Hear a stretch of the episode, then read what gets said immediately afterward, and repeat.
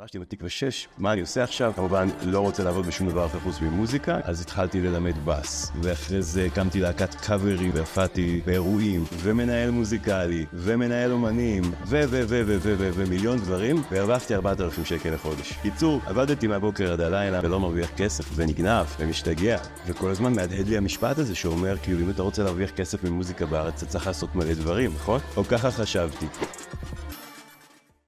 עבדתי מהבוקר עד הלילה, מתנסים, הייתי נוסע עם האופנוע מפה לשם, משם לפה, גשם, שמש, ולא מרוויח כסף. ונגנב, ומשתגע. ו...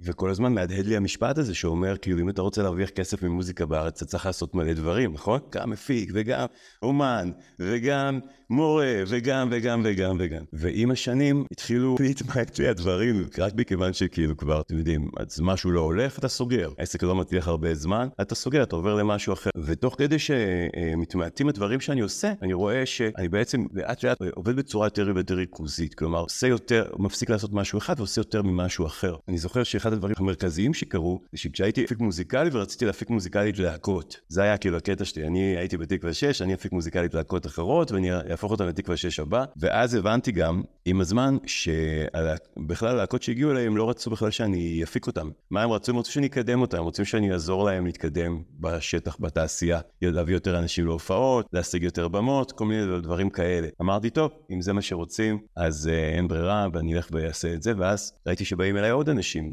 ומבקשים ממני עוד גם שאני אעזור להם עם הדבר הזה, כאילו קשרים בתעשייה, ו... ולאט לאט זה מה שנהיה העיסוק המרכזי שלי, כי, כי אנשים ביקשו ממני את זה, ופתאום ראיתי איך כשאני עושה דבר אחד, אז העסק שלי הולך וגדל, וגדל וגדל וגדל. ופתאום קלטתי איך אני מתחיל להרוויח הרבה יותר מדבר אחד, מאשר הרווחתי כשעשיתי עשרה דברים שונים. היי חברים, אני מקווה שאהבתם את הסרטון. אם כן, אני מזמין אתכם להירשם כמנוי לעמוד שלנו ולדעת שאתם לא מפספסים אף סרטון חדש שיוצא, ואנחנו מבטיחים לעשות הכל כדי להביא לכם ערך הולך ועולה כאן בערוץ.